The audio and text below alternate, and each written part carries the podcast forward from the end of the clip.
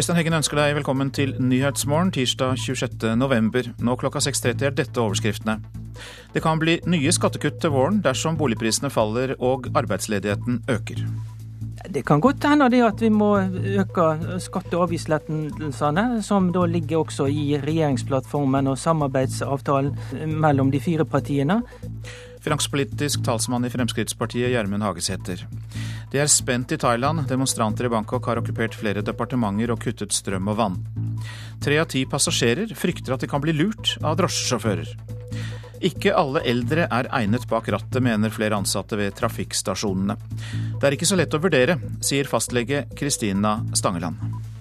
Det er um absolutt ingen lett oppgave eh, å bedømme ved hjelp av de relativt enkle testene som vi gjør på kontoret, eh, hvor godt en person er eh, egnet trafikken. Og nå får sjakkmester Magnus Carlsen kritikk for å ha vært for lite tilgjengelig.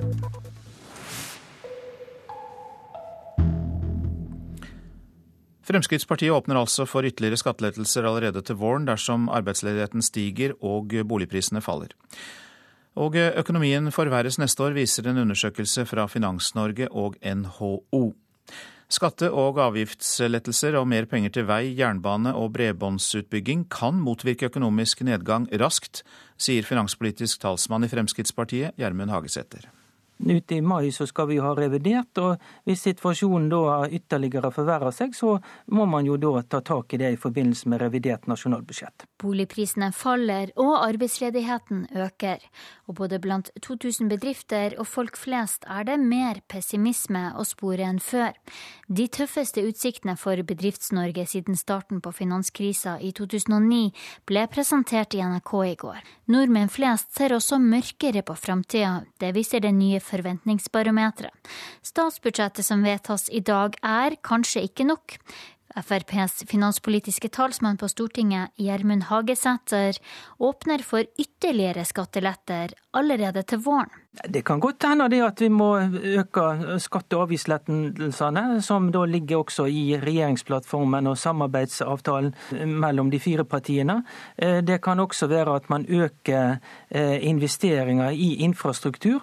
Er du i det hele tatt bekymret for at det budsjettet dere skal vedta, at det er litt utgått på dato allerede før, eh, før dere har vedtatt det? Ja, Det er jo alltid en risiko, pga. at slike rapporter og slike undersøkelser de kommer jo ofte i ettertid. Og Derfor så føler jeg jo det i hvert fall at vi med trygg samvittighet kan, eh, kan da bruke de, altså de pengene ekstra som vi har brukt, og oljekronene ekstra, som opposisjonen mener at vi ikke bør gjøre.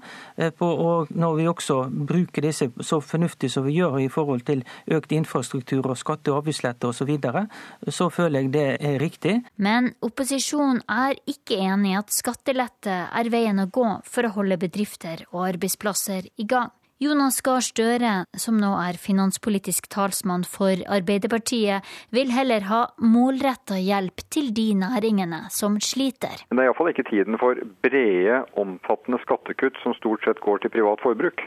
Skal man bruke slike virkemidler, så bør det være rettet inn mot bedriftene og næringene på en måte som er virksom i deres hverdag, og unngå usikkerhet om, om andre rammebetingelser som er viktige for planleggingen deres. Og Reportere her, det var Linda Reinholdsen og Hedvig Bjørgum. I Thailands hovedstad Bangkok har demonstranter okkupert flere departementer i dag, ifølge myndighetene. Strøm og vann er kuttet, noe som gjør at byråkratene må arbeide uten aircondition i den stekende heten. Demonstrantene sier de vil okkupere flere offentlige bygg om ikke regjeringen går av. Det er stille etter stormen. Demonstrantene tok i går strømmen og vannet før de slo leir ved utenriks- og finansdepartementet i Bangkok. Der har disse gulskjortene tenkt å sitte til statsminister Yingluk Shinawat går av. Hun er søstera til omstridte Takshin Shinawat, milliardæren og statsministeren som ble avsatt i et militærkupp i 2006. Taksin har flykta i eksil og har bl.a. fått statsborgerskap i Montenegro. Men demonstrantene mener Taksin fremdeles styrer Thailand gjennom søstera. Derfor mener vi at regjeringa ikke er demokratisk, sier studentlederen Niti Horn Lamluea. Vi vil markere at vi ikke anerkjenner denne udemokratiske regjeringa. Andre land bør avvise den fordi den er et diktatur.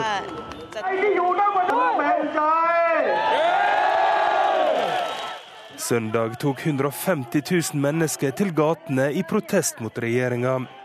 Bakgrunnen var et lovforslag som ville gi Taksin-amnesti. Lovforslaget ble nedstemt i nasjonalforsamlinga, men bare tanken på at korrupsjonsdømte Taksin ville komme tilbake, fikk den urbane delen av Thailand til å reagere.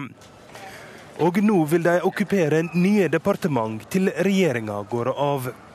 Men Taksin og statsministersøstera har solid støtte blant breie lag av folket. De såkalte rødskjortene har kommet med buss til hovedstaden for å demonstrere mot demonstrantene.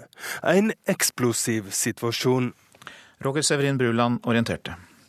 Tre av ti passasjerer er redd for å bli lurt når de tar drosje. Det viser en ny undersøkelse Norstat har gjort for Forbrukerrådet. Vi har snakket med flere som eh, sier at drosjesjåfører har prøvd å lure dem. Ja, to ganger. Da ble jeg lurt for 30 000 da de svindla kortet mitt. Hvis jeg har blitt lurt, så har jeg tatt dem for det. Og da har jeg sagt fra. Og da har jeg fått eh, innrømmelse og sagt ja, vi kjørte for langt. Brukt en altfor lang sløyfe. Det skulle, skulle, og så har jeg stilt spørsmål etterpå og sagt at det her betaler ikke for, for du har kjørt altfor langt. I taxikøen utenfor Oslo sentralstasjon er det flere som har opplevd å bli lurt som taxikunde. En ny undersøkelse fra Forbrukerrådet viser bl.a. at tre av ti passasjerer er redd for nettopp dette.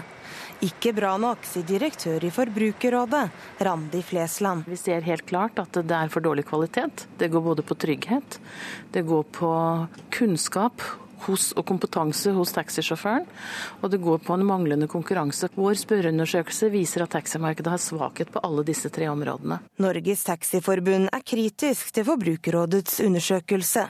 Det sier forbundets kommunikasjonsdirektør Atle Hagtun. Ja, det er jo en meningsløs påstand, for det er ikke noe land i Europa hvor det er mindre lett å bli lurt i drosjer enn i Norge. Så, så spørsmålet er jo liksom, er dette svarer folk ut fra erfaringer, eller er det noe de tror? Eh, og Det er jo ganske viktig. Forbrukerrådet holder fast ved at undersøkelsen viser store utfordringer i taxibransjen. Annet føler én av fem passasjerer seg utrygge når de tar taxi. Nå må noe gjøres, mener Forbrukerrådet. Det er jo helt klart at her er det vesentlige forbedringsområder for taxisentralen og for hele styringsmodellen. Det er helt nødvendig å ha en omfattende utredning som ser på taximarkedet så det skal være trygt, høy kvalitet og være godt for norske passasjerer. Taxiforbundet ønsker ikke å bruke tid på en slik utredning. De vil heller løse det de mener er markedets utfordringer. At det er noen få uh, som ødelegger for de mange i næringen, som ikke er godt nok skolert til å drive i en servicebransje. Og Da må sentralene få litt større adgang til å kvitte seg med de, og opplæringa må bli litt bedre. Og myndighetenes kontroll med hvem de gir kjøresedler og løyver må strammes inn. Reporter her, det var Anette Torjussen. Selv om eh, man venter til man er eh, Nei, nå skal vi først eh, høre om eldre som har helseattest til å kjøre bil, men ansatte ved trafikkstasjoner frykter at de har fått denne selv om de ikke er skikket til det. Det kommer fram av flere bekymringsmeldinger. De mener at eh, den nye aldersgrensen fra januar i år har gjort det enda vanskeligere å vite om eldre egner seg bak rattet. Jeg lukker inn, Tommy. Ta en bønne. Tommy Syversen og Ragnar Gustavsen er klare for en biltur, og begge har førerkort i en alder av 87 og 91 år. Jeg øh, hadde ikke kunnet klart meg uten bil, jeg. Ja. Så jeg er kjempefornøyd, jeg. Ja. Men hvor vanskelig er det for deg å få fornya førerkortet ditt, da? Jeg fikk for to år nå, og så to dager etterpå så fløy jeg opp og kjøpte en ny bil. Men ikke alle eldre har noe bak rattet å gjøre, mener Statens vegvesen. I utkast til Nasjonal tiltaksplan for trafikksikkerhet ber de Helsedirektoratet se nærmere på dagens helsekrav. Nye regler fra januar i år har skapt enda større problemer rundt helseattester, mener ansatte på trafikkstasjonene. Før måtte 70-åringer fornye førerkortet, nå er grensa 75 år. Leder for trafikkstasjonene i Østfold og Follo, Trond Olsen, bekrefter bekymringen. Mange av dem er veldig spreke, men vi ser også at en del av dem ikke er så spreke. Statens vegvesens statistikk over trafikkulykker med eldre er dystre tall. Den viser at over 30 eldre over 75 år har blitt drept, og nesten 100 hardt skadet på Østlandet de fire siste årene. Tommy Syversen er enig i at ikke alle over 75 år fortjener å kjøre bil. På min alder, da må du ha kondisjon. Du må ha, bruke øya. Du bør eh, ha en brukbar hørsel også. Og eh, da kan du kjøre. Leder av Allmennlegeforeningen i Østfold og fastlege Kristina Stangeland Fredheim sier dette er vanskelig. Det er um, absolutt ingen lett oppgave uh, å bedømme ved hjelp av de relativt enkle testene som vi gjør på kontoret, uh, hvor godt en person er uh, egnet i trafikken. Dersom vi i fremtiden skal være helt sikre på at ingen befinner seg i førersetet som ikke bør være der, så må vi nok enten sette en absolutt øvre aldersgrense. Vi kan innføre praktiske kjøretester eller mer omfattende nevropsykologiske tester. 91-åringen Ragnar Gustavsen har planen klar. Den dagen jeg føler at jeg ikke kan kjøre lenger, så setter jeg meg i garasjen. Ferdig med det. Klarer du det, tror du? Ja, for jeg bli kjørt av andre som setter seg ved rattet. Og her var det definitivt Anette Torjussen som var reporter, mens det altså var Ingrid Vilberg Arnesen som var reporter i det forrige innslaget. Og mens vi er innom det å være gammel, selv om man eh, venter eh, før man begynner å trene, så er helsegevinstene store. I en undersøkelse gjengitt i forskningstidsskriftet British Journal of Sports Medicine har forskere kartlagt helsa til nærmere 3500 briter med en gjennomsnittsalder på 64 år. Undersøkelsen viser at har fysisk aktivitet minst én gang i uka gir sju ganger høyere sannsynlighet for god helse i alderdommen. Helsegevinsten er betydelig, også blant dem som blir fysisk aktive først seint i livet. Så til det avisene skriver om. Snøscooterkjøring er en krigserklæring mot norsk friluftsliv, sier Turistforeningen til Aftenposten. Foreningen mener at regjeringen i praksis har gitt grønt lys for snøscooterkjøring for fornøyelsens skyld. Nå vil Turistforeningen og Friluftslivets Fellesorganisasjon kjempe for at forsøksordningen skal kjennes ugyldig. Bryggen-opprør i Bergen Høyre. Partiet er dypt splittet i spørsmålet om Bybanens trasé mot Åsane, skriver Bergens.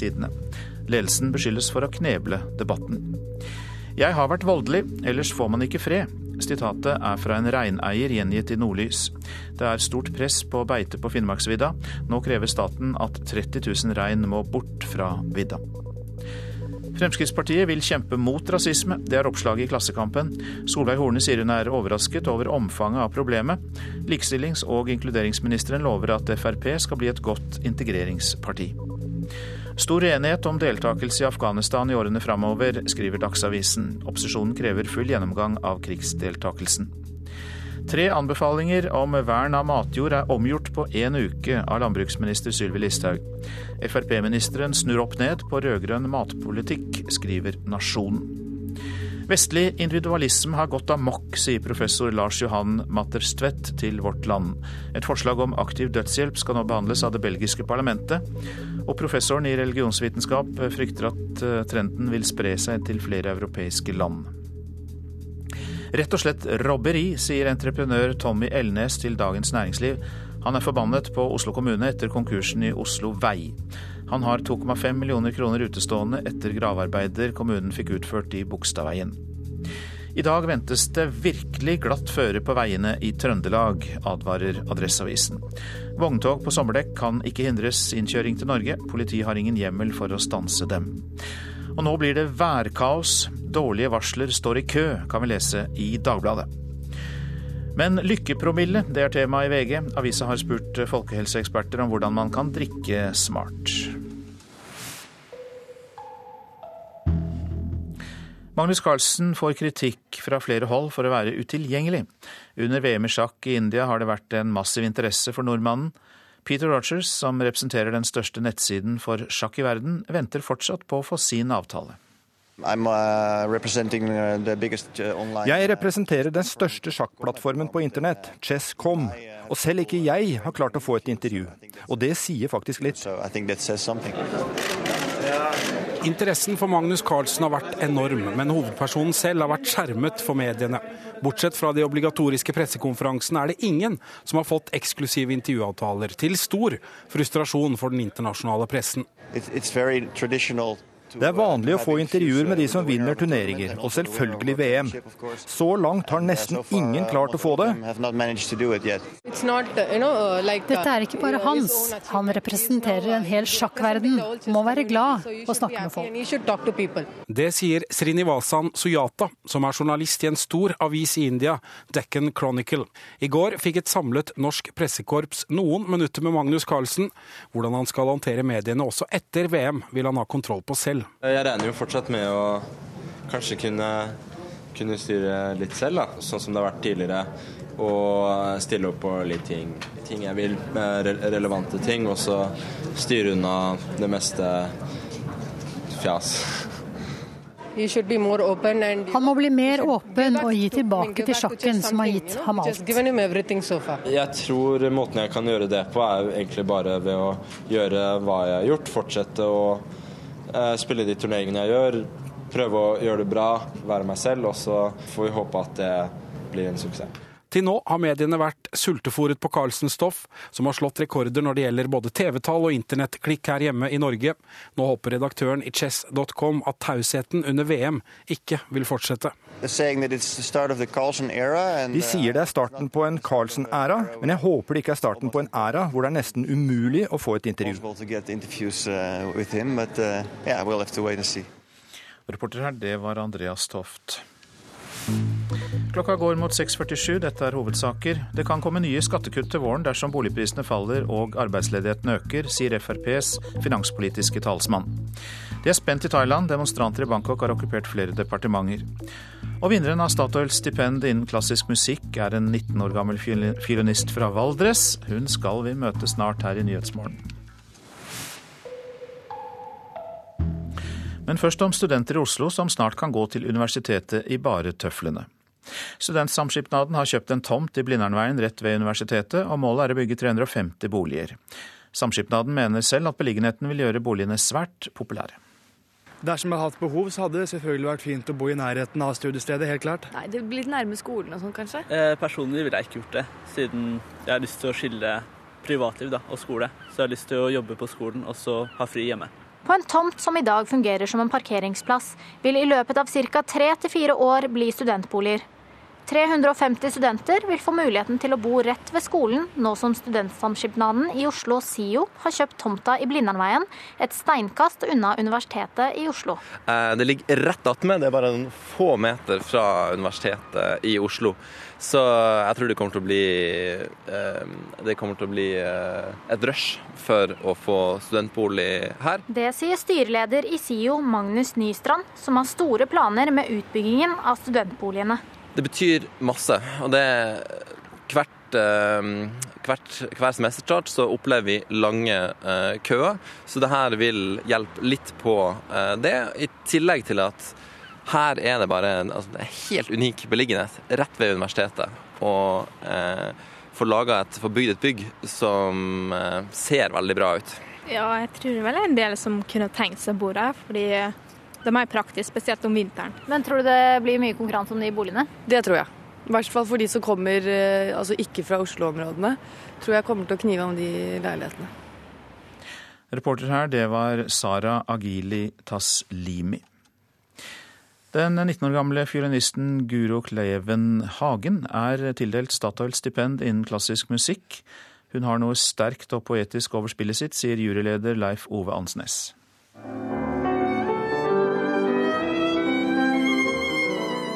Hun er en blomst som bare folder seg mer og mer ut. Hennes fiolinspill er helt sånn lysende og har eh, noe veldig sånn sterkt poetisk fortellende i, i, spillet sitt. Sier juryleder Leif Ove Ansnes om årets vinner av Statoils talentstipend i klassisk musikk, den 19 år gamle fiolinisten Guro Kleven Hagen fra Valdres. Ansnes, som selv var den første vinneren av stipendet i 1990, tror en anerkjennelse som dette er viktig for Klevenhagen på dette tidspunktet i karrieren. Jeg husker sjøl akkurat den alderen der. Det så er man kanskje litt sånn i et tomrom. I mitt tilfelle, og som i Guros tilfelle, så begynner man å få en karriere, man begynner å få jobber. Uh, men alt er nytt. Man må finne sitt liv, sin måte å gjøre ting på. Og, da er det veldig viktig med en sånn anerkjennelse som, uh, som dette stipendiet er. Ansnes trekker fram vinnerens naturlige og trygge autoritet på scenen. Her i et opptak fra NRK solistkonkurranse Virtuos i 2010, der Guro, som da var 15 år gammel, vant prisen for Årets virtuos.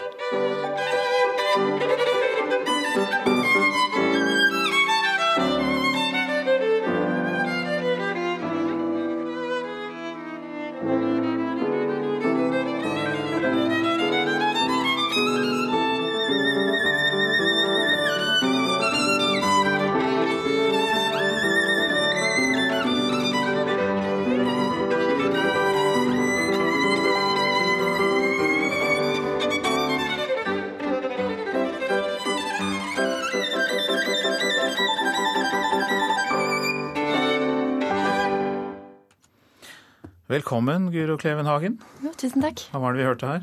Det var Bruchs fyllingkonsert, tredje sats. Mm.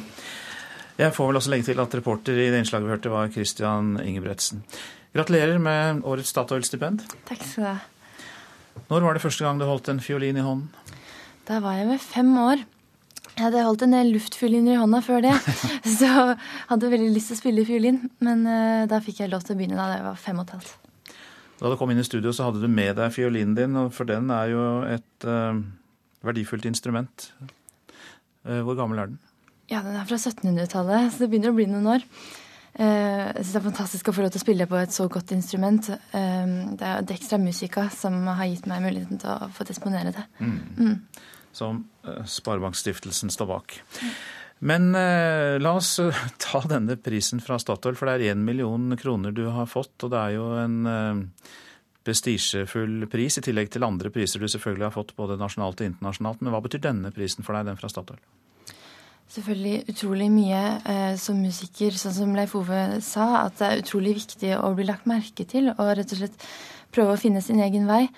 Eh, og det stipendet her gir meg muligheten til å på en måte finne min egen vei da, og bidra til min egen utvikling på best mulig måte. I tillegg til selvfølgelig at jeg kommer til å gå med på stipender og eh, kommer til å gå med på reising og sånn. ja.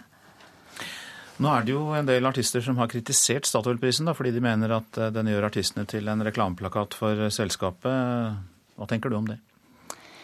Nei, altså Jeg tenker at min rolle er å være musiker og ikke politiker i denne saken her.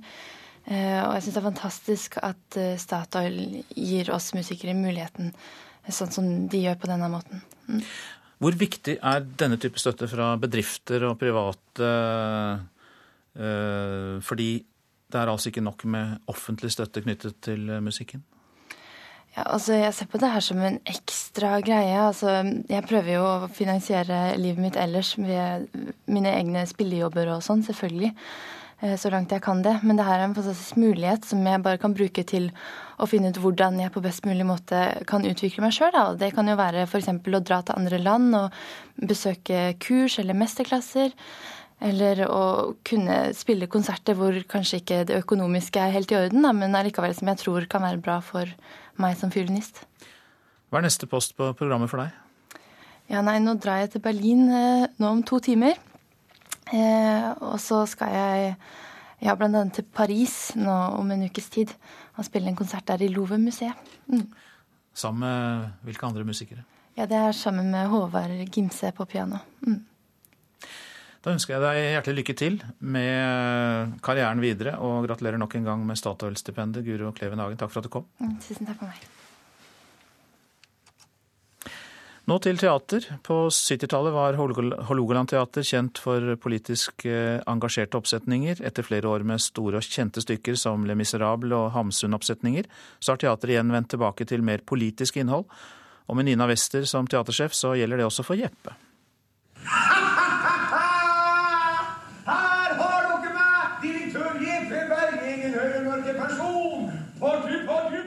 Under Nina Wester ble Jeppe en Nav-klient med sterke tanker om dagens samfunn. Og det har Sigmund Sæverud sansen for. For 42 år siden var han med på å starte Hålogaland teater, et nordnorsk teater der det før bare hadde vært stemmer sørfra. Vi hadde en slags vag anelse om at det fantes en kultur her fra før. Altså Det var ikke en ny kultur de trengte.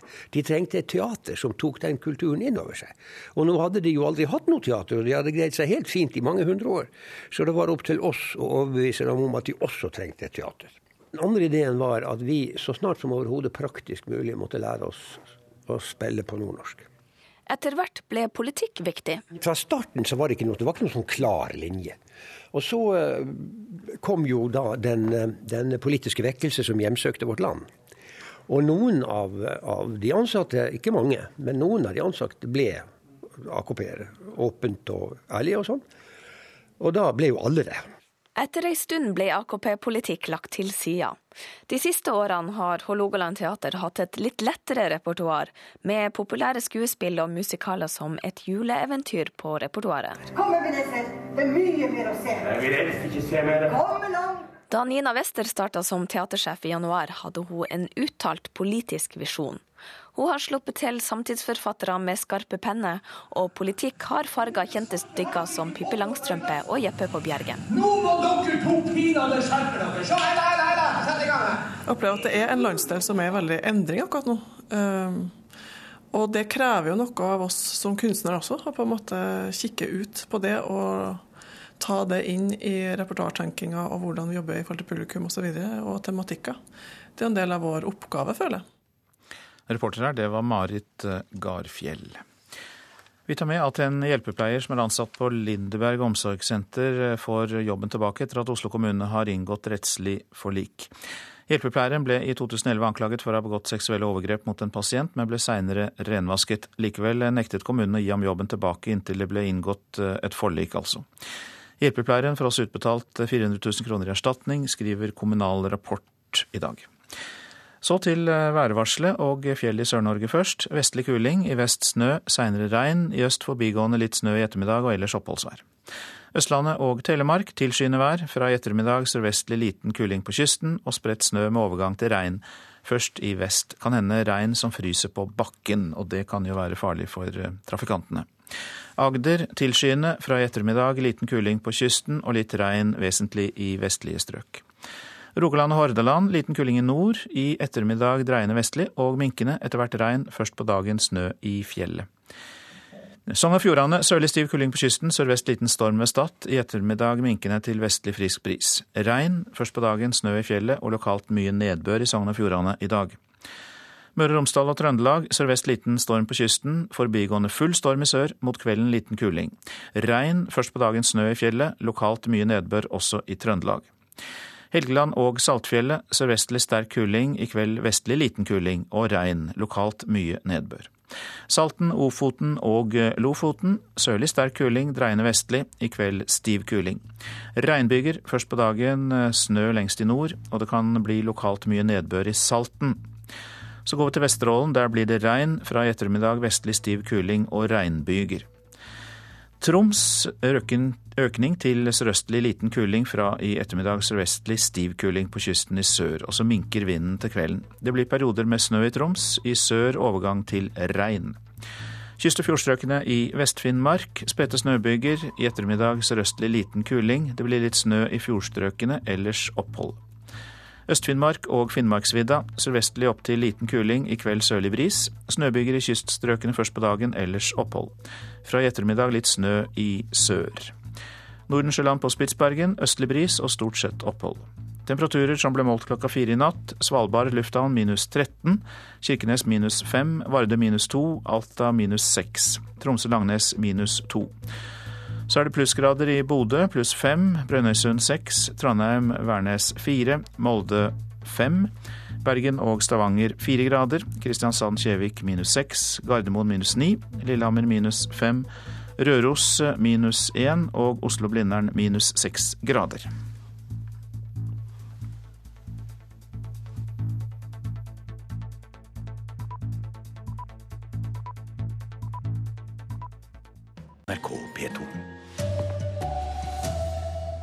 PST frykter at flere nordmenn som har vært i Syria og kriget, vil begå voldshandlinger her hjemme.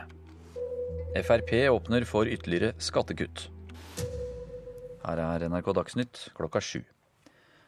Flere enn ti personer som har vært i Syria og kriget, har etter det NRK kjenner til, kommet tilbake til Norge. Jon Fitje Hoffmann, analysesjef i PST, sier at de er bekymret for at de som kommer tilbake, vil begå voldshandlinger her. Enten at det er planlagt som ei oppgave de har fått eller som de har påtatt seg, eller fordi at de reiser tilbake her og er psykisk eh, skadd eh, og av ulike grunner da Eh, tyr til vold. Det blir det mer om i Nyhetsmorgen på P2 og Alltid nyheter straks. Nordmenns økonomiske forventninger viser en fallende tendens, ifølge Forventningsbarometeret. Tall som blir offentliggjort i dag, er de dårligste siden finanskrisen. Og det er særlig troen på Norges økonomi som faller. Og Dersom det går så dårlig med norsk økonomi som mange frykter, åpner Fremskrittspartiet for ytterligere skattelette allerede til våren. Skatte- og avgiftslettelser i tillegg til økt eh, oljepengebruk på vei, jernbane og bredbåndsbygging kan motvirke fallende boligpriser og stigende arbeidsløshet raskt. Finanspolitisk talsmann i Frp, Gjermund Hagesæter, følger nøye med. Hvis situasjonen da ytterligere forverrer seg, så må man jo da ta tak i det i forbindelse med revidert nasjonalbudsjett. Boligprisene faller og arbeidsledigheten øker. Og både blant 2000 bedrifter og folk flest er det mer pessimisme å spore enn før. Statsbudsjettet som vedtas i dag er kanskje ikke nok. FrPs finanspolitiske talsmann på Stortinget, Gjermund Hagesæter, åpner for ytterligere skatteletter allerede til våren. Som da ligger også i regjeringsplattformen og samarbeidsavtalen mellom de fire partiene. Eh, det kan også være at man øker eh, investeringer i infrastruktur. Reporter Linda Reinholdsen. Tre av ti passasjerer er redd for å bli lurt når de tar drosje. Det viser en ny undersøkelse Norstat har gjort for Forbrukerrådet. Forbrukerrådet vil ha en omfattende utredning for å finne ut av dette. Det ønsker ikke Taxiforbundet å bruke tid på, sier kommunikasjonsdirektør i Norges Taxiforbund Atle Hagetun. At det er noen få uh, som ødelegger for de mange i næringen, som ikke er godt nok skolert til å drive i en servicebransje. Og Da må sentralene få litt større adgang til å kvitte seg med de, og opplæringa må bli litt bedre. Og myndighetenes kontroll med hvem de gir kjøresedler og løyver må strammes inn. Kommunikasjonsdirektør i Norges Taxiforbund eh, var det, Atle Hagetun.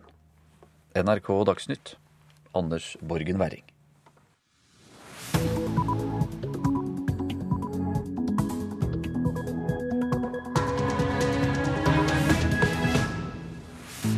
Her i Nyhetsmorgen skal vi snakke med en forsker som vurderer risikoen knyttet til personer som har drevet krigføring i Syria.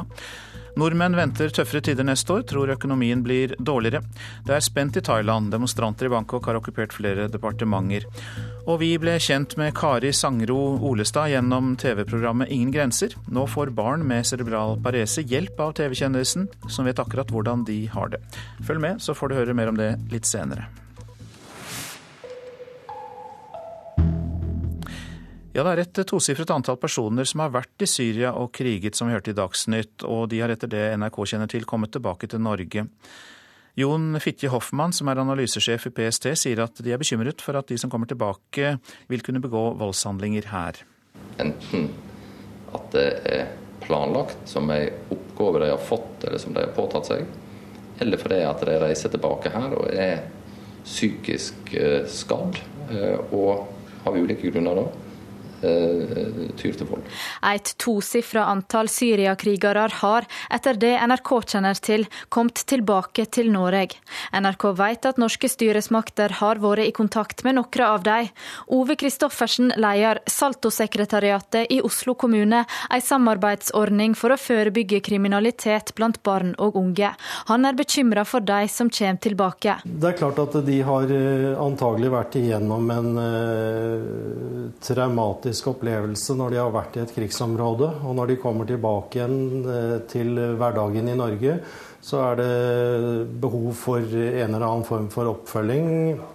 Og eh, Spørsmålet er jo i hvilken grad de ønsker den oppfølgingen. Kristoffersen sier at de kan være vanskelig å fange opp. Eh, det er en utfordring at her er det ikke noe meldeplikt til Oslo kommune eller Oslo politidistrikt. Så det er mulig at folk både reiser og kommer tilbake uten at vi har de på radaren og blir kjent med de. Bjørn Øvrum, kriminalitetsforebyggende koordinator i Oslo-politiet, sier at det er risikabelt dersom disse blir gående med traumer uten å bli fanga opp. Vi vet jo uh, hva uh, våre egne soldater har gått gjennom som har vært ute, ute, i krigen. og Jeg vil tro at uh, mye av opplevelsene vil være det samme som, som, det soldater har gått gjennom når de har vært i, i krigen. Det har vært i tilsvarende episoder ute. Mens de ungdommene som nå kanskje da er ute og, og kriger, har eh, kanskje slitt før de dro ut med sin egen syke. Kanskje har mye risikofaktorer, lite beskyttelsesfaktorer som holder igjen.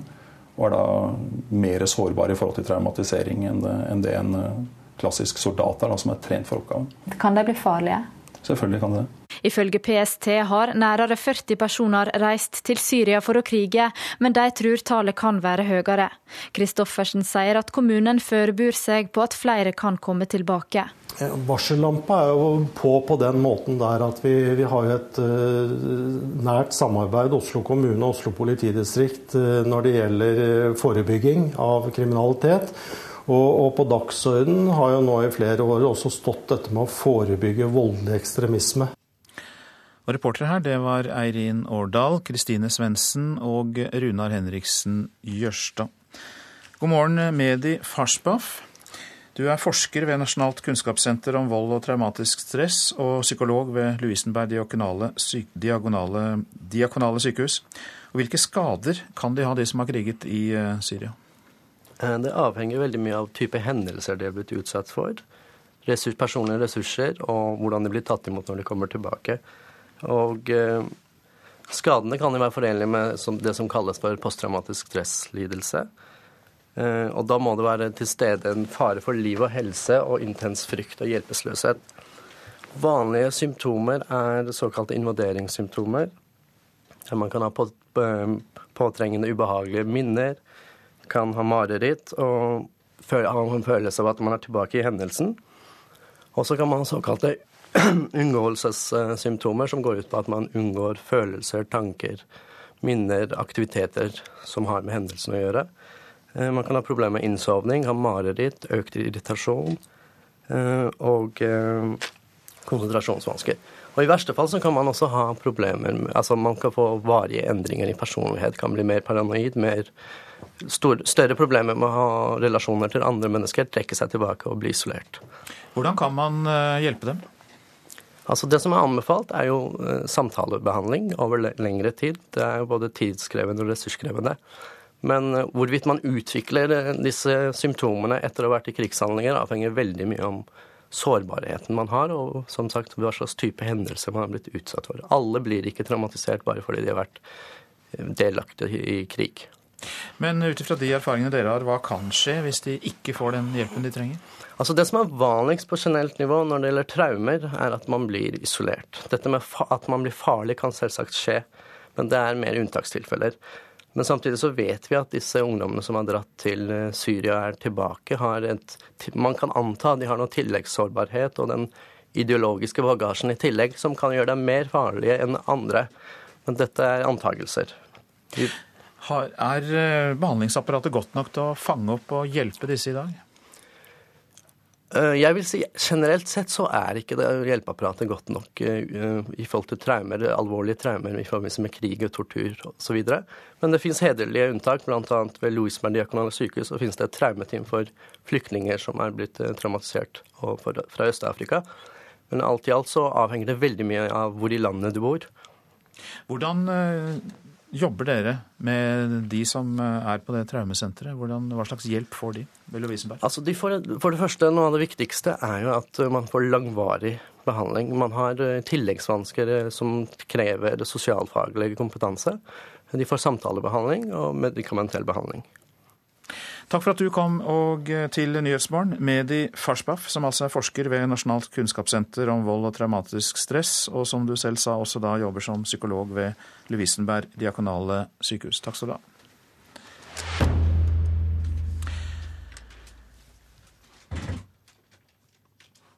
Nå om eh, tøffere tider neste år, for eh, nordmenn flest forventer seg det. Eh, det er særlig tiltroen til landets økonomi som har fått seg en knekk, viser forventningsbarometeret. Og på kjøpesenteret City Nord i Bodø er kundene usikre på framtida. Det er mange hull som skal tettes her i økonomien. Det går jo nedover hele tida. Hvis vi får inn oljepenger, blir det jo bedre. Alle snakker om nedgangstiden. Jeg har eh, vel kanskje litt eh, dårlig følelse. Handlelystne på Nordlands største kjøpesenter er ikke alene i sin skepsis til norsk økonomi neste år. Fire ganger i året måler Forventningsbarometeret nordmenns fremtidstro. Tallene som offentliggjøres i dag, er sjeldent dårlig kost. Nå viser Forventningsbarometeret en fallende tendens. Eh, det betyr at eh, nordmenn ser mindre optimistisk på fremtiden nå enn eh, de faktisk har gjort på en stund. Vi må tilbake til finanskrisen. Sier Idar Kreutzer. Han er direktør i Finans Norge, som sammen med Norsk Gallup utarbeider undersøkelsen. Det vi tror dette henger sammen med, er at vi nå har opplevd eh, noen måneder etter hverandre med økende arbeidsledighet. Eh, vi ser også at boligmarkedet har vist til dels en fallende tendens. Og det er liten tvil om at det nå går mot tøffere tider sier sjeføkonom Jan Andreassen i Eika-gruppen. Det denne målingen viser, og mange andre tall i tiden eh, forteller oss, er at vi går mot en lysegrå hverdag. De beste vekstårene er bak oss, i hvert fall for husholdningenes del. Vi ser det butter på boligmarkedet. Hyttemarkedet er ganske frossent mange steder, og et fallende antall ledige stillinger. Folk frykter at det skal gå ganske ille. Men folk er ikke bare redde. De er også fornuftige mener Kreutzer i Finans-Norge. Sparetilbøyeligheten i denne målingen er den høyeste vi har målt siden 1994. Så det ser ut til at eh, den norske forbrukeren husholderer godt eh, og setter tæring etter næring og føler seg godt forberedt, føler seg robust i forhold til en tilstramning i landets økonomi. Når folk vurderer landets økonomi som dårligere, de sparer mye, da kan det vel også gå utover forbruket ellers? Ja, vi spør også om det. Eh, og vi ser at eh, folk ønsker nå i mindre grad å gjøre store innkjøp. Eh, bolig ser relativt stabil ut. Hytte faller. Det av forbruksgoder som, som faller mest, er reise. Det er en markert nedgang i folks reisetilbøyelighet, hvis vi ser på denne målingen. Og fortsatt har nordmenn langt større tro på egen økonomi enn på økonomien til kongeriket Norge. Det merkes også i Bodø. Jeg håper nå den er stabil, sånn som den er nå. Nå flytter jeg sørover og skal begynne i en bedre jobb, bedre betalt, så det, det ser bra ut. Reporter Sindre Heierdal. Professor ved Universitetet i Agder, Ellen Katrine Nyhus, god morgen til deg. Ja, god morgen. Du er med oss fra studio i Kristiansand, og du forsker bl.a. på økonomisk psykologi. Og vi har ja, litt mindre tro på økonomiutsiktene nå, hørte vi her. Hvorfor det, tror du? Nei, denne indeksen her er en, en indikator som da viser hvor usikre folk er, og så måler en da hvor mange som har endret seg fra å være optimister til pessimister, eller, eller motsatt da, i befolkningen. Og den er som regel påvirket mye av eh, observasjoner, da, sånn at nå kan en jo se at arbeidsledigheten synker. Eh, nei, stiger, Eller stiger. Ja. Den stiger. Mm. og da eh, er det et dårlig tegn. Og så er det som de sa de, i saken her, at det har vært veldig mye saker i massemedia som er, handler litt om at det går dårlig flere, i flere uh, områder, sånn som både med boligpriser og i hyttemarkedet. Eh, det er bekymring for norske husholdningers gjeldsnivå, det er endringer i pensjoner osv. Eh, og så får vi jo høre dårlig nytt fra Europa, og at det kanskje vil smitte oss. Og det er nok summen av alle disse negative sakene som gjør at folk eh, har blitt mer pessimistiske. Men når folk blir spurt, det er nå én ting, men når de har da noe mer skepsis til økonomien, hvilke følger kan det få for samfunnet? Ehm, nei, nå er det jo sånn at vi jo, har jo veldig god råd, og husholdningenes velstand er så stor at privat etterspørsel utgjør en stor del av total etterspørsel. Sånn at når husholdningene blir pessimister og er redd for fremtiden, så vil de typisk holde igjen øh, så mye at det vil påvirke øh, etterspørselen. Sånn at vi vil typisk få nedgangstider fordi at etterspørselen synker. Det forsterker seg? Ja, det kan forsterke seg. Så jo mer pessimister, jo mer holder folk igjen, og dermed så kan etterspørselen da synke desto mer. Men hvor viktig er psykologi innenfor økonomien og våre forventninger til økonomien? Nei, De finner jo eh, at usikkerhet har en tendens til å og gjøre at folk på en måte sikrer seg. Da holder de igjen og har lite lyst til å låne og eh, gjøre store investeringer, og da begynner de å spare mer. Eh, og motsatt, da, hvis de er optimister, da er villigheten til å, å ta på seg økonomiske forpliktelser og kjøpe eh, og investere mye større. Sånn at det får eh, den konsekvensen at husholdningenes følelser her da, kan rett og slett snu økonomisk utvikling. Hva er ditt råd da, til folk som hører på, er kanskje bekymret for sitt boliglån, og om det er nok penger til å betale regningene?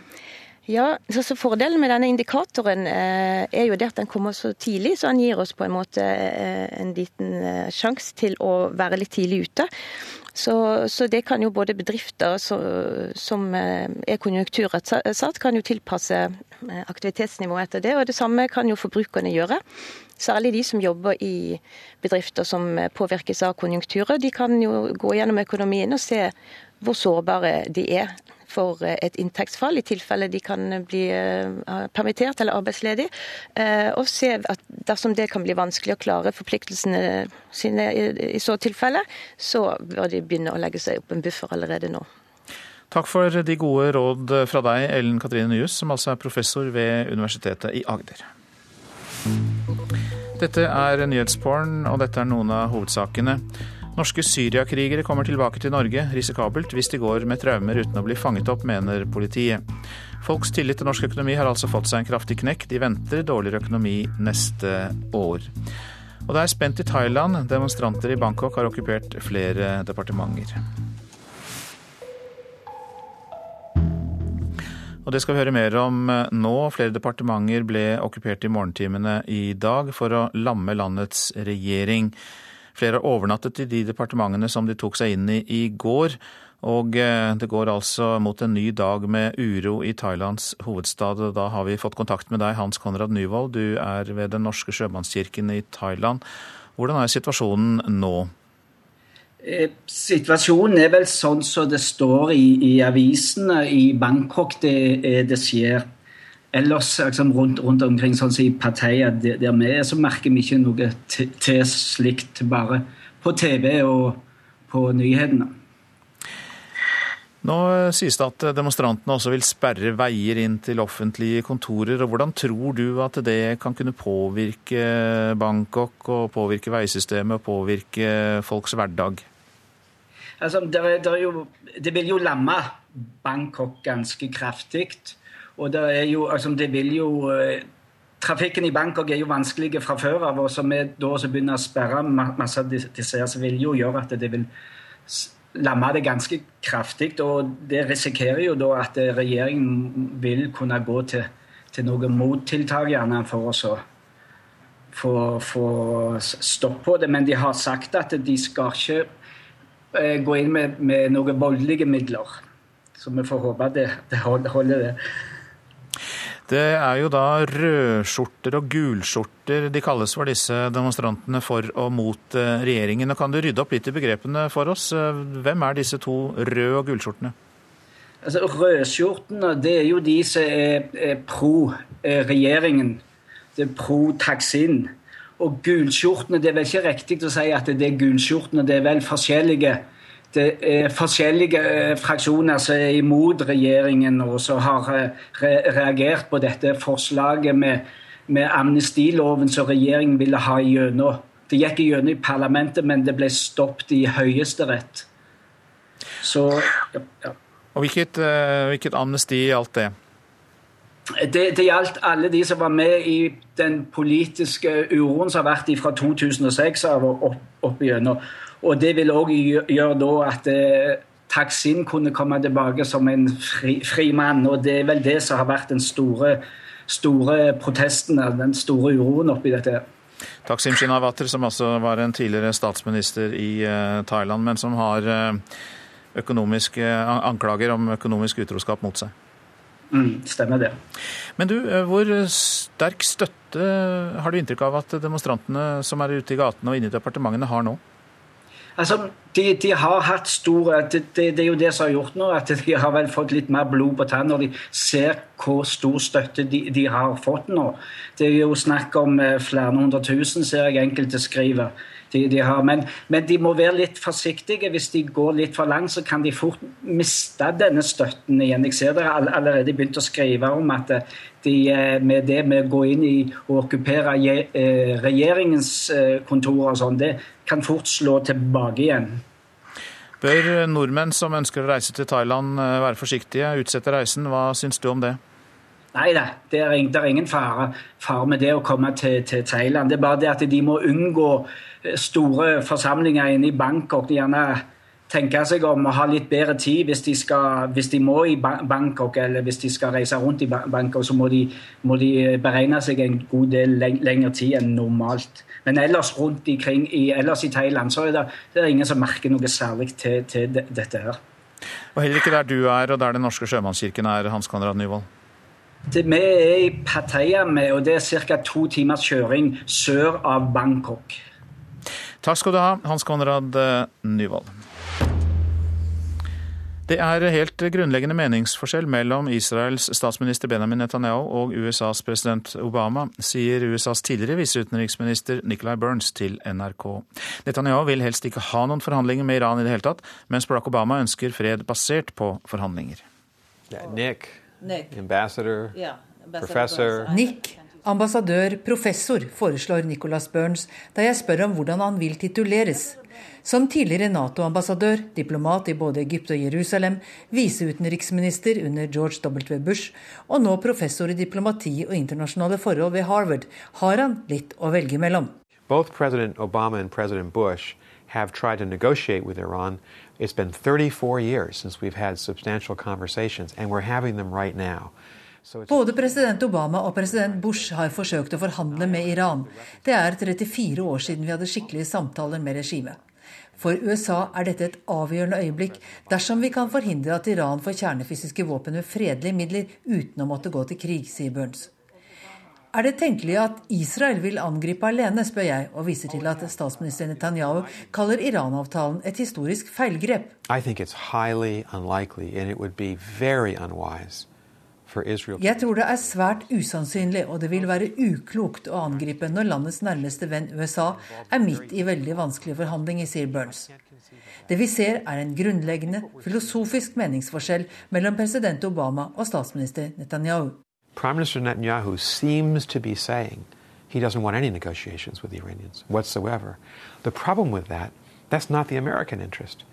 Statsminister Netanyahu synes å si at han ikke vil ha noen forhandlinger med Iran i det hele tatt.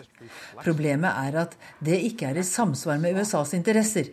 USAs interesse er å finne fred gjennom forhandlinger, og ikke gå til krig på ren refleks. Nicholas Burns er overbevist om at det er de økonomiske sanksjonene som har tvunget Iran til forhandlingsbordet. Men for å hale i land en langsiktig atomavtale med Iran, må Obama få med seg Kongressen til å oppheve de sanksjonene som Kongressen selv har vedtatt, og det er de fleste. in the middle of an election year, we have our congressional elections in November 2014, at a time when the two political parties are poles apart. That's going to be extremely difficult, a big, big challenge for President Obama. Midt i et valgår, med kongressvalg i november 2014 og med enorm avstand mellom de to partiene, det kommer til å bli vanskelig for Obama, avslutter Nicholas Burns, nå altså i rollen som professor i diplomati. Og det var USA-korrespondent Gro Holm som hadde snakket med USAs tidligere viseutenriksminister. Så til avisene. Snøscooterkjøring er en krigserklæring mot norsk friluftsliv, sier Turistforeningen til Aftenposten. Foreningen mener at regjeringen i praksis har gitt grønt lys for scooterkjøring for fornøyelsens skyld. Nå vil Turistforeningen og Friluftslivets Fellesorganisasjon kjempe for at forsøksordningen med snøscooterkjøring skal kjennes ugyldig. Bryggen-opprøret i Bergen Høyre. Partiet er dypt splittet i spørsmålet om Bybanens trasé mot Åsane, skriver Bergens Tidende. Ledelsen beskyldes for å kneble debatten. Jeg har vært voldelig, ellers får man ikke fred. Sitatet er fra en reineier gjengitt i Nordlys. Det er nemlig stort press på beite og stor konkurranse om beite på Finnmarksvidda. Nå krever staten at 30 000 rein må bort. Fremskrittspartiet vil kjempe mot rasisme. Det er oppslaget i Klassekampen. Solveig Horne sier hun er overrasket over omfanget av problemet. Likestillings- og inkluderingsministeren lover at Frp skal bli et godt integreringsparti. Stor uenighet om deltakelse i Afghanistan i årene framover, skriver Dagsavisen. Opposisjonen krever full gjennomgang av krigsdeltakelsen. Tre anbefalinger om vern av matjord er omgjort på en uke av landbruksminister Sylvi Listhaug. Frp-ministeren snur opp ned på rød-grønn matpolitikk, skriver Nasjonen. Vestlig individualisme har gått amok, sier professor Lars Johan Matterstvedt til Vårt Land. Et forslag om aktiv dødshjelp skal nå behandles av det belgiske parlamentet, og professoren i religionsvitenskap frykter at trenden vil spre seg til flere europeiske land. Rett og slett robberi, sier entreprenør Tommy Elnes til Dagens Næringsliv. Han er forbannet på Oslo kommune etter konkursen i Oslo Vei. Han har 2,5 millioner kroner utestående etter gravearbeider kommunen fikk utført i Bogstadveien. I dag ventes det virkelig glatt føre på veiene i Trøndelag, advarer Adresseavisen på forsiden. Vogntog på sommerdekk kan ikke hindre innkjøring til Norge. Politiet har ingen hjemmel for å stanse dem. Og nå blir det værkaos. Dårlige varsler står i kø, det kan vi lese i Dagbladet. Men lykkepromille det er tema i VG. Avisen har spurt folkehelseekspert om hvordan man kan drikke smart. I Hamar får barn med cerebral parese hjelp av en TV-kjendis, som vet akkurat hvordan barnet har det. Da Kari Sangro Ollestad var liten, ble hun mobbet fordi hun var annerledes. Som voksen ble hun landskjent som deltaker i NRK-serien Ingen grenser, der hun bl.a. gikk til toppen av Snøhetta. Elleve år gamle Andreas er glad for å ha blitt kjent med Kari. Handikappet gjør det vanskelig å bli forstått, og ofte blir de misforstått. Ungdommene som er til opptrening på PTØ-senteret i Hamar, har fått besøk av et godt forbilde ved bordet i dag. Kari Sangro Olestad, som i likhet med dem har cerebral parese, har vist at mye går an, sjøl om man har CP. Så motivert har jeg aldri sett et menneske før som har sånn cerebral parese. Så det var um, veldig motiverende. Sier 11 år gamle Andreas Folmer om TV-bildene fra Ingen grenser som 1,4 millioner mennesker fikk med seg for snart to år siden. Da Kari var med på en 30 dagers tur gjennom skog og fjell, og til slutt krøp opp på Snøhetta. Jeg klarer ikke å gå så langt uten rullator, men jeg prøver jo å gå Jeg har jo sånn tredemølle hjemme som jeg prøver å gå så ofte som mulig på, og så har jeg innwalk og sykkel som jeg prøver å bruke så mye som mulig for å trene. Og det er litt av grunnen til at Kari er akkurat her på PTØ-senteret i Hamar. Jeg føler at jeg har 33 års erfaring med CP, jeg tenker kanskje at det kunne være til hjelp og inspirasjon for både de barna og unge ungdommen som er på sentrum, og foreldre på pårørende. Klatreturen opp på Snøhetta har gitt henne den selvtilliten hun trengte til ikke bare å finne nye utfordringer sjøl, men også til å motivere andre. Jeg eh, får jo egentlig lyst til å prøve det en gang, men det er jo sikkert veldig tungt og slitsomt. og Sier 13 år gamle Erika Thorsen, som også er på opptrening på PTØ-senteret. En gang i uka er Kari innom. Det er av mange nye dører som har åpna seg for 33-åringen etter at hun deltok i TV-serien på NRK. For nå føler hun at folk hun møter, ser forbi handikappet hennes. De ser ikke bare en person som har ukontrollerte bevegelser i kroppen. Jeg kjenner veldig ofte at folk konkluderte med at jeg òg var helt koko i hodet. Det nye aktive livet hennes har ført til at hun føler enda større behov for å være selvstendig. Derfor har hun en ny utfordring ventende i garasjen sin. Hun har kjøpt seg bil, som nå venter på å bli bygd om, slik at hun kan ta kjøretimer med den for å kjøre sjøl. Det er mitt mål for året som kommer, at jeg skal kjøre ut herfra og være enda mer fri. For da kan hun kjøre ut i skogen eller på fjellet når det passer henne, for lange turer i skog og fjell er fortsatt den store hobbyen. Neste års mål er klart. Hun skal til Snøhetta igjen. Jeg gleder meg. Ja, det sa Kari Sangro Ollestad til vår reporter Anne Kari Løberg. Du lytter til Nyhetsmorgen. Hvordan blir et uavhengig Skottland dersom folk sier ja til uavhengighet ved folkeavstemningen i september neste år? Det får vi vite mer om etter Dagsnytt. Statsbudsjett i økonomiske nedgangstider. Det er duket for debatt både i Stortinget i dag og i Politisk kvarter kvart på åtte. Produsent for Nyhetsmorgen det er Eli Bieland. Her i studio Øystein Heggen. Og mens vi venter på Dagsnytt, så minner jeg om webstedet radio.nrk.no altså radio.nrk.no. Kjempefint for å lytte til alle NRKs radiokanaler.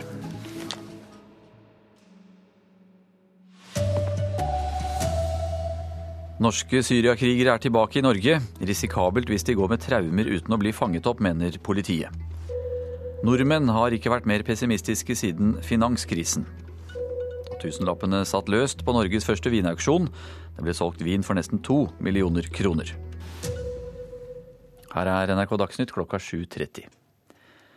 Flere enn ti personer som har vært i Syria og kriget, har etter det NRK kjenner til, kommet tilbake til Norge. Jon Fitje Hoffmann, analysesjef i PST, sier at de er bekymret for at de som kommer tilbake, vil begå voldshandlinger her. Enten at det er planlagt som ei oppgave de har fått eller som de har påtatt seg, eller fordi at de reiser tilbake her og er psykisk eh, skadd eh, og av ulike grunner da, tyr til vold. Et tosifra antall syriakrigere har, etter det NRK kjenner til, kommet tilbake til Norge. NRK vet at norske styresmakter har vært i kontakt med noen av dem. Ove Kristoffersen leder Salto-sekretariatet i Oslo kommune, en samarbeidsordning for å forebygge kriminalitet blant barn og unge. Han er bekymra for de som kommer tilbake. Eh, det er en utfordring at her er det ikke noe meldeplikt til Oslo kommune eller Oslo politidistrikt. så det er mulig at folk både reiser og kommer tilbake uten at vi har de på radaren og blir kjent med de. Bjørn Øvrum, kriminalitetsforebyggende koordinator i Oslo-politiet, sier at det er risikabelt dersom disse blir gående med traumer uten å bli fanga opp. Vi vet jo uh, hva uh, våre egne soldater har gått gjennom som har vært ute, ute, i krigen. Og jeg vil tro at uh, mye av opplevelsene vil være det samme som, som, det soldater har gått gjennom når de har vært i, i krigen. Det har vært i tilsvarende episoder ute. Mens de ungdommene som nå kanskje da er ute og, og kriger, har eh, kanskje slitt før de dro ut med sin egen syke. Kanskje har mye risikofaktorer, lite beskyttelsesfaktorer som holder igjen. Og er da mer sårbare i forhold til traumatisering enn det, enn det en eh, klassisk soldat er, da, som er trent for oppgaven. Reportere her det var Eirin Årdal og Kristine Svendsen. Nordmenn har ikke vært mer pessimistiske siden finanskrisen. Folk venter nå tøffere økonomiske tider for landet allerede neste år, viser Forventningsbarometeret. Og på kjøpesenteret City Nord i Bodø er kundene usikre på framtida. Det er mange hull som skal tettes her i økonomien. Det går jo nedover hele tida. Alle sier, snakker om nedgangstider. Jeg har eh, vel kanskje litt eh, dårlig følelse. Handlelystne på Nordlands største kjøpesenter er ikke alene i sin skepsis til norsk økonomi neste år. Fire ganger i året måler Forventningsbarometeret nordmenns fremtidstro. Tallene som offentliggjøres i dag, er sjeldent dårlig kost. Nordmenn ser mindre optimistisk på fremtiden nå enn de faktisk har gjort på en stund. Vi må tilbake til finanskrisen. Sier Idar Kreutzer.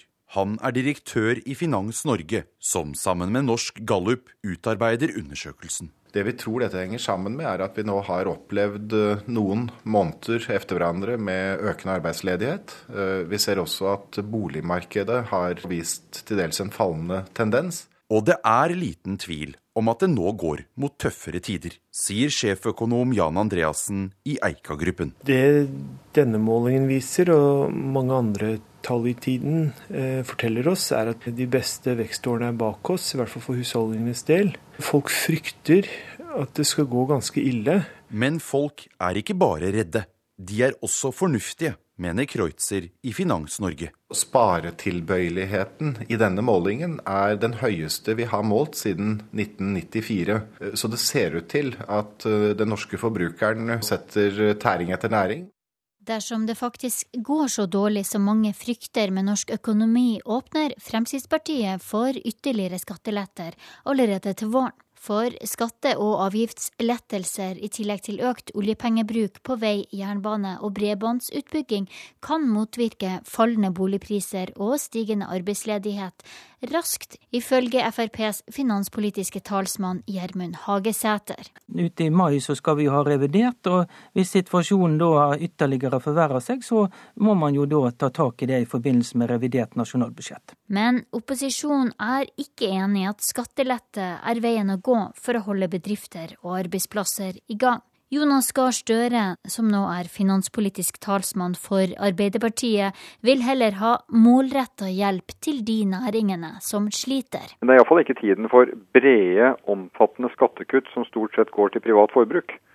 Skal man bruke slike virkemidler, så bør det være rettet inn mot bedriftene og næringene på en måte som er virksom i deres hverdag.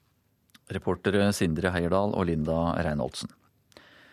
I Bangkok har demonstranter omringet tre nye departementer i morgentimene for å lamme landets regjering. Og flere demonstranter har overnattet i departementene, og det går mot en ny dag med uro i Thailands hovedstad. Det er stille etter stormen. Demonstrantene tok i går strømmen og vannet før de slo leir ved utenriks- og finansdepartementet i Bangkok. Der har disse gulskjortene tenkt å sitte til statsminister Yingluk Shinawat går av. Hun er søstera til omstridte Takshin Shinawat, milliardæren og statsministeren som ble avsatt i et militærkupp i 2006. Taksin har flykta i eksil og har bl.a. fått statsborgerskap i Montenegro. Men demonstrantene mener Taksin fremdeles styrer Thailand gjennom søstera. Derfor mener vi at regjeringa ikke er demokratisk, sier studentlederen Nitihorn Lamluea.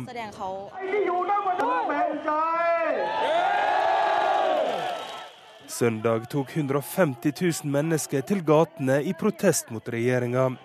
Og nå vil de okkupere nye departement til regjeringa går av. Sa utenriksmedarbeider Roger Severin Bruland. En hjelpepleier som er ansatt ved et omsorgssenter i Oslo, får jobben tilbake etter at eh, Oslo kommune har inngått rettslig forlik med ham. Hjelpepleieren ble i 2011 anklaget for å ha begått seksuelle overgrep mot en pasient, men ble senere renvasket for anklagen, skriver Kommunal Rapport. Ifølge avtalen får mannen også utbetalt 400 000 kroner i erstatning. Det ble solgt vin for nesten to millioner kroner under Norges aller første vinauksjon i går.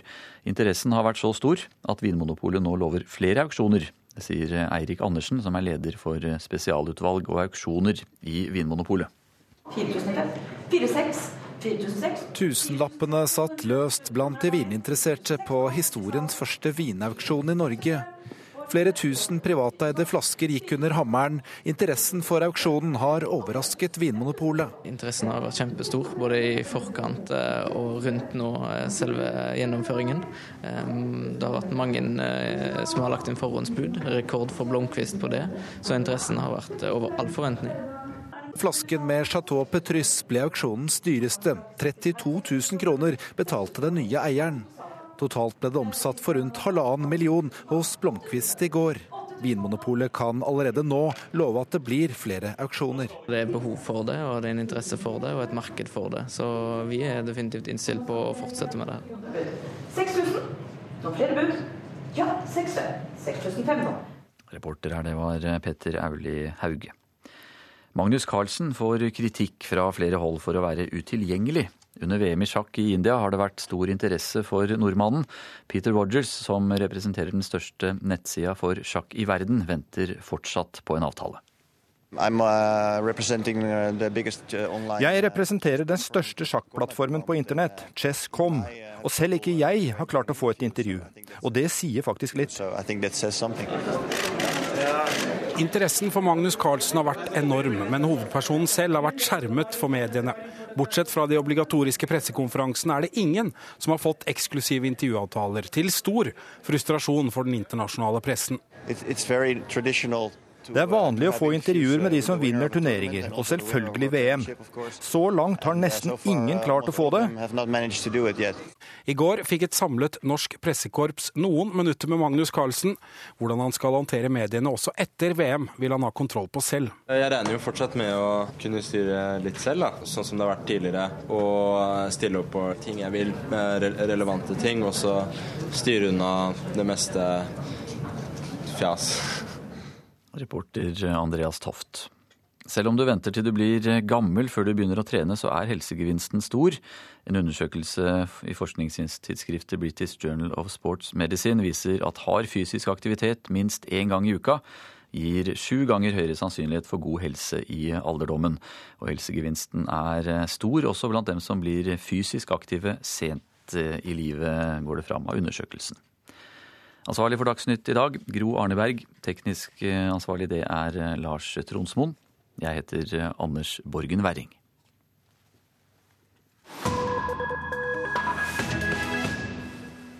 Nå til eh, Skottland her i Nyhetsmorgen. Førsteminister og leder av nasjonalistpartiet Alex Salmon legger i dag fram planene for det uavhengige Skottland, dersom folk sier ja til løsrivelse fra Storbritannia i september neste år. Men så langt tyder alle meningsmålinger på et nei til løsrivelse. Name's Michael Riley. I'm from Bishop Briggs. I'm still undecided how I'm going to vote. My question is, would we still have a monarchy in an independent Scotland? Skal vi fortsatt ha monarki? spør denne unge mannen, som ikke har bestemt seg for verken ja eller nei til skotsk uavhengighet i folkeavstemningen 18.9. neste år.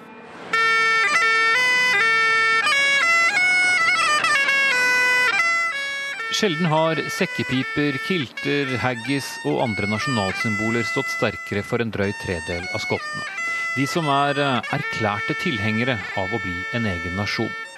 Dersom Skottlands største parti, det skotske nasjonalistpartiet, får med seg folket i avstemningen, kan det bli løsrevet allerede i 2016. I'm David, and I'm voting yes. But the question I have is, would we still keep the pound? Would we go to the euro, or would we have a different currency altogether? Hva med valutaen, skal vi fortsatt ha pund, spør David, som gjerne vil ha Skottland ut av Storbritannia.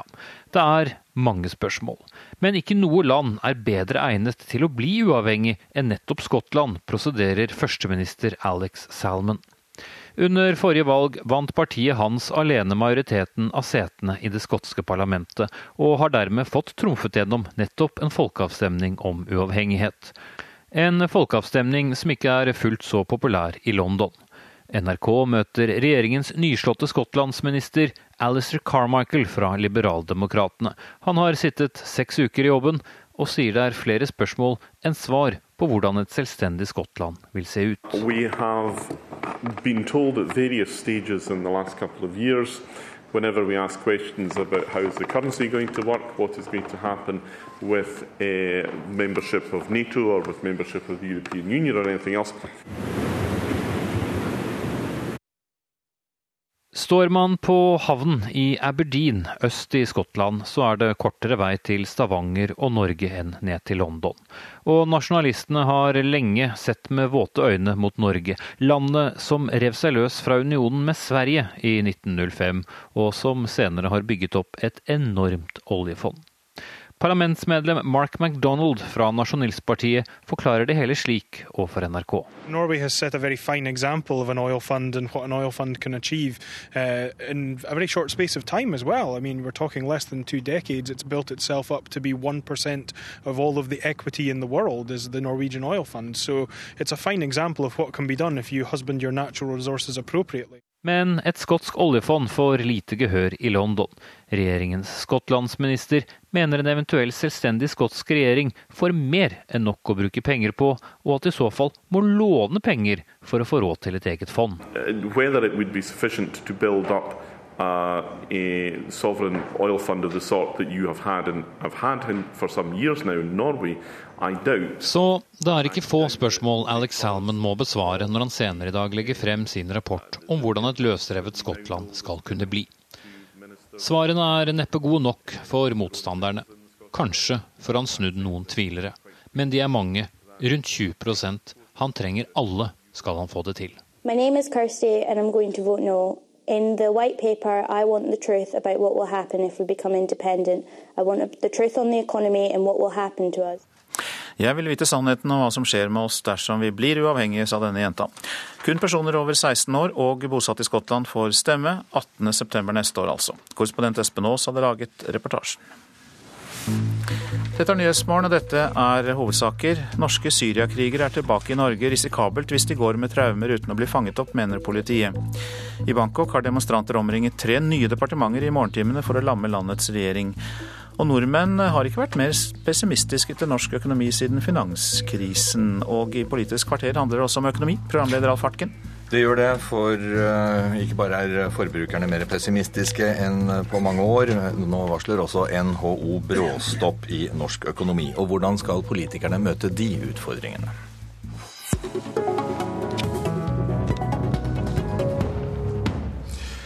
For i dag skal altså Stortinget debattere neste års statsbudsjett, og vi tjuvstarter her i Politisk kvarter. Svein Flåtten, finanspolitisk talsmann for Høyre. Bedriftene er altså pessimistiske, forbrukerne er pessimistiske og mener at de økonomiske utsiktene er mørkere enn noen gang siden finanskrisen.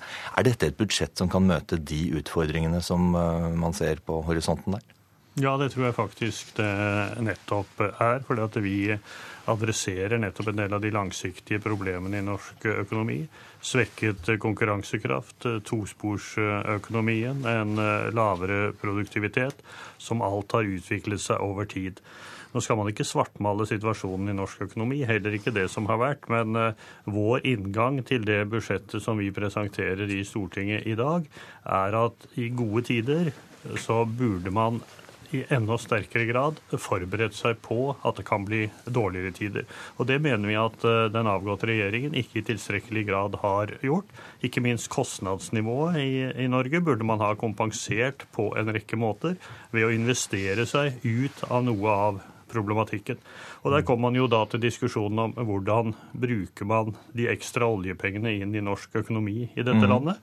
Og der var jo forutsetningen langt tilbake at man skulle bruke de til investeringsfremmende tiltak. Kunnskap, skole, vekstfremmende skattelettelser og ikke minst investeringer i infrastruktur, som da oversatt betyr vei og bane. Det er den typen investeringer man må gjøre i sånne, i sånne tider. Og vi mener at den tilleggsproposisjonen som vi har lagt fram, altså 90% av budsjettet som blir vedtatt i dag, vil være de rød-grønnes budsjett. Men våre signaler, våre omprioriteringer, våre nye retninger i denne tilleggsproposisjonen, det mener vi er en helt riktig retning, og vi mener det møter nettopp de signalene som nå kommer fra Næringslivs-Norge, på en god måte.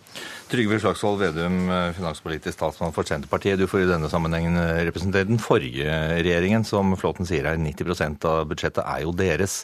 Men du mener likevel at de endringene som ble gjort, nettopp ikke møter de utfordringene vi nå ser. Hvorfor ikke?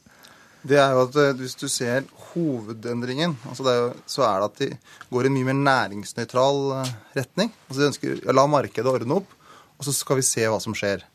Og det kan, hvis vi kan ta noen eksempler På fiskeri så gjør de mange kutt i forhold til hvordan vi skal øke verdiskapinga, styrke næringslivet der. I forhold til eh, kraftkrevende industri så foreslo Høyre og Frp å fjerne, eller redusere den såkalte CO2-kompensasjonsordningen for å oversette det til f.eks. én bedrift, Norske Skog på Skogn, så kunne det vært et tap på ca. 25 millioner kroner. Direkte konkurranseutsatt, konkurranseutsatt kraftkrevende industri. Kan vi ta til matindustrien, som er den nest største innlandsindustrien eh, vi har, så øker de gebyrene. Eh, det som ligger på tolv, har de da varsla at de ønsker å gjøre endring, så de skaper også usikkerhet på det området. Så på veldig mange av de områdene som vi bruker næringsrettede virkemidler, så har eh, regjeringa valgt å kutte ned virkemidlene, og de har skapt usikkerhet. Og så hadde jo Høyre et sånn eh, veldig flott slagord, og det var nye ideer, bedre løsninger. Og vi har en del uh, folk rundt i Norge som har nye ideer og bedre løsninger, og fram til nå så har vi hatt mye hjelp, kapital, startkapital for å starte bedrifter. Dessverre så har nå Høyre sitt første budsjett kutta i de virkemidlene. Så at det på alle virkemidlene som skal hjelpe næringslivet, det vi har, Eh, skal skape nye bedrifter, gi litt startkapital, så er Høyre Frp sin holdning at skal, staten skal trekke seg unna, og så får da markedet styre. Og Jeg mener at det er en feilslått politikk, at vi nå må føre en mer aktiv politikk, ikke trekke staten unna. Flåten. Nå snakker Slagsvold Vedum om eh, de små tingene i dette budsjettet. Det er ingen tvil om at vi omprioriterer eh, noe. Og det er jo ikke sånn at virkemidler til næringsliv Eh, trekkes tilbake. Altså det er noen småting som justeres. Det er faktisk ikke alt som virker like optimalt. Men de store grepene i denne tilleggsproposisjonen, det er eh, skattelettelser for bedrifter, for næringsliv, for at man lettere skal kunne investere. Det er en betydelig satsing på samferdsel i infrastruktur. Det er en betydelig satsing på skole og på helse. Helt klare retninger. Og jeg tror det er slik at uten å omprioritere noen gang i det hele tatt, så kommer vi ikke i riktig retning. Vi må si at noe er viktigere enn noe annet. Det har vi gjort i dette budsjettet, og det kommer vi til å stå på. Eh, din kollega i Fremskrittspartiet, Gjermund Hagesæter, han sier jo i nyhetene i dag at han åpner for nye tiltak og eventuelt nye skatteletter allerede i revidert eh, til våren, hvis det viser seg, hvis det viser seg da at økonomien blir slik som de fleste tror. For uten å snakke om svartmaling, så er det jo faktisk ganske mye pessimisme å spore der ute. Hva sier du til det? Eh, hva som kommer siden vil ikke jeg spå noe om. Det avhenger av, eh, av situasjonen i, eh, i, norsk økonomi.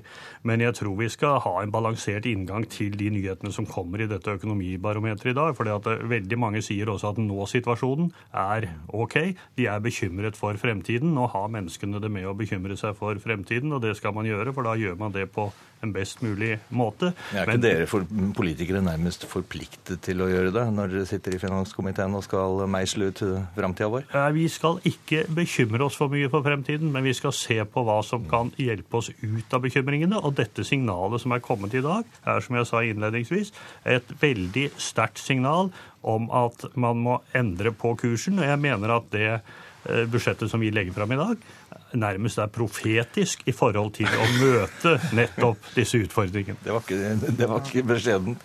Eh, Terje Breivik, finanspolitisk talsmann for eh, Venstre. Dette profetiske budsjettet, som, eh, som Flåtten kaller det, det har jo du også undertegnet på. Men tror, tror du faktisk nå at dette er helt riktig vei å gå, gitt situasjonen? Ja, i forhold, Iallfall i forhold til de tingene som er viktigst for norsk næringsliv i et langsiktig perspektiv. Så er det ikke tvil om at uh, det nye budsjettet som er og nå er en del av forliket på, er, i rett retning og i en annen retning enn det som Trygve Slagsvold Veum og co. Har, har, stått for de åtte første årene. For det er klart De to kan si, de viktigste tingene for, for næringslivet i et langsiktig perspektiv, det er jo eh, å ha kontroll på kostnadsnivået. Sant? De sliter med et kostnadsnivå som ligger mm. 60-70% over, over konkurrenter. Eh, har tilgang på kapital. Eh, og Da handler det ikke minst, minst, om at vi bruker de store pengene i statsbudsjettet for å få gjort noe med de to tingene.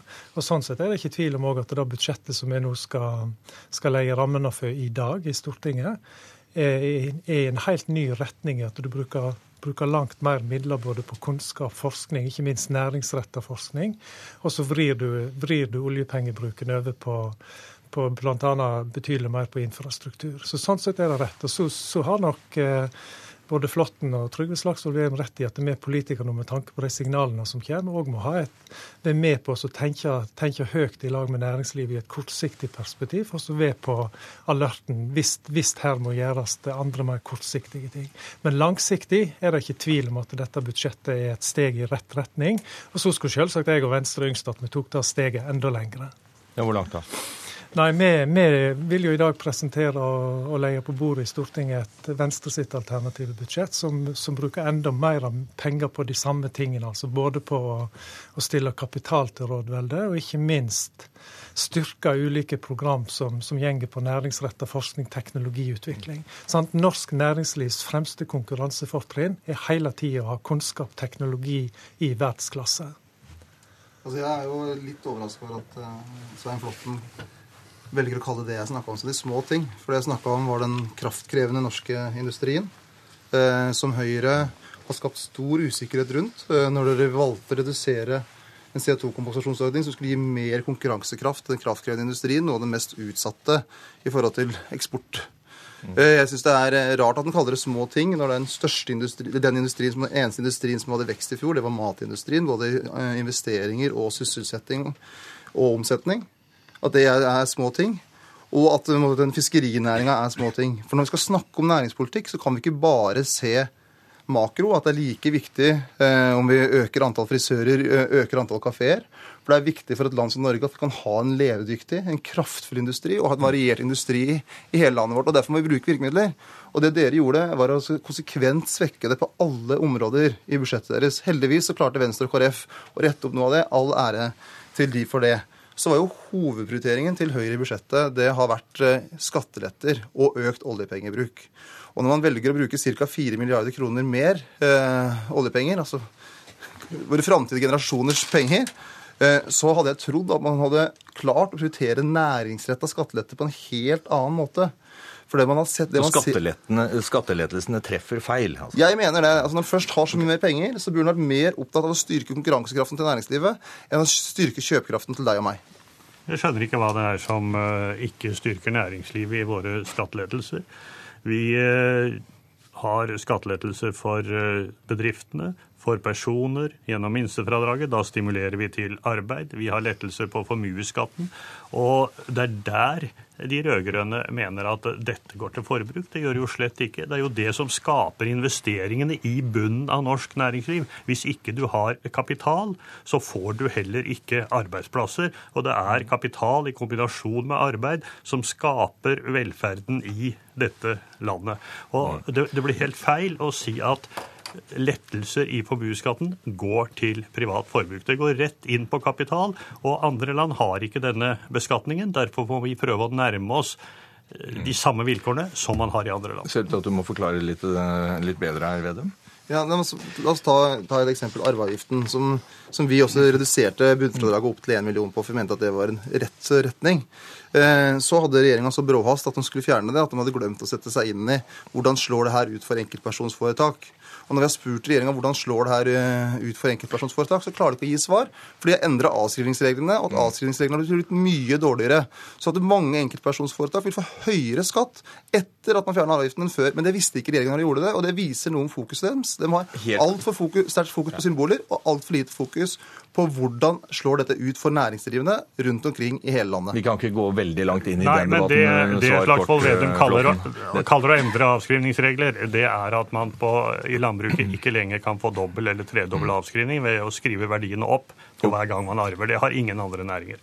Jo, det er er snakk om. Det er snakk om eh, bredden av enkeltpersonsforetak. Ifølge Bedriftsforbundet så er det snakk om et par hundre tusen drifter. Men, men eh, det er snakk om okay. taxinæring, eh, gravemaskiner, alt mulig. Ja, og Dette skal jo da utredes videre konsekvensene av også, så vidt vi, vi forstår. Ja, det er veldig rart men, utrede men, men, men Vedum, altså, en av de tingene som NHO peker på i, i sitt barometer, det er jo de økte kapitalkravene til bankene at det, er, det var noe som, eh, som, gjør at norsk økonomi bremser opp. Det, var det riktig tidspunkt å sette foten på bremsen?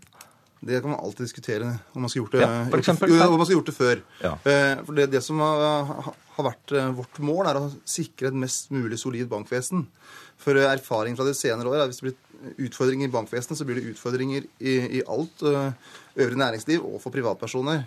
Og Derfor så tok vi det grepet og stramma inn egenkapitalkravene for å skape et mer solid bankvesen som kunne tåle mer urolige tider. Eh, det var ikke et eh, populistisk valg, men det var et valg ut fra å skape stabilitet. Og stabilitet er noe av det absolutt viktigste vi kan drive med i økonomisk politikk. Ja, Breivik. Ja, Dette er jo en av de tingene som nå blir viktig å vurdere framover. Ha en tett mm. dialog sant, med de som også sitter og har skoen på. Sant? For Det er ikke tvil om at det som nå vil være en, en knapphetsfaktor for, for, norsk næringsliv, enten det er in, de som har marked internt i landet eller eksportindustri, er nettopp tilgang på kapital. Så det er klart dette å se på, se på denne type krav, egenkapitalkrav osv. til bankene, og kombinert med det virkemiddelapparatet med at rådveldet utvikler stiller mer t.d. såkornkapital til rådveldet for å bøter på, på, det som nå kan bli en eh, situasjon med kapitaltørke. Mm. Vi må ha solide banker. Det er viktig. Vi har sett hvordan det har gått i dette landet når ikke vi har solide banker. Men det er viktig at de kravene vi setter, er mest mulig like de vi har i andre land, særlig de skandinaviske land, sånn at konkurransesituasjonen blir lik. For det er jo ikke bare norske banker i Norge, det er også utenlandske banker i Norge. Og da får du en vridning i konkurransen. Så jeg er helt enig med Slagsvold Vedum. Vi skal ha solide banker, men vi skal også ha en lik konkurranse. Og det er viktig å se på i utformingen av reglene. Ja, Hva ser du for deg at det kan bli endringer i dette? da? Det vet jeg ikke. Nå får, vi, nå får, vi, de endelige svarene på dette litt uh, lenger fram. Men uh, Høyre er ikke spesielt for å løse opp i dette. Altså, vi vil ha et uh, regelverk som sikrer bankene. Men nå ser vi jo at bankene allerede bygger kjernekapital. De holder tilbake utbytter, de bygger kapitalen opp. Så jeg tror vi har et solid, godt norsk bankvesen. Men som sagt, det må være like vilkår med øvrige land. Mm.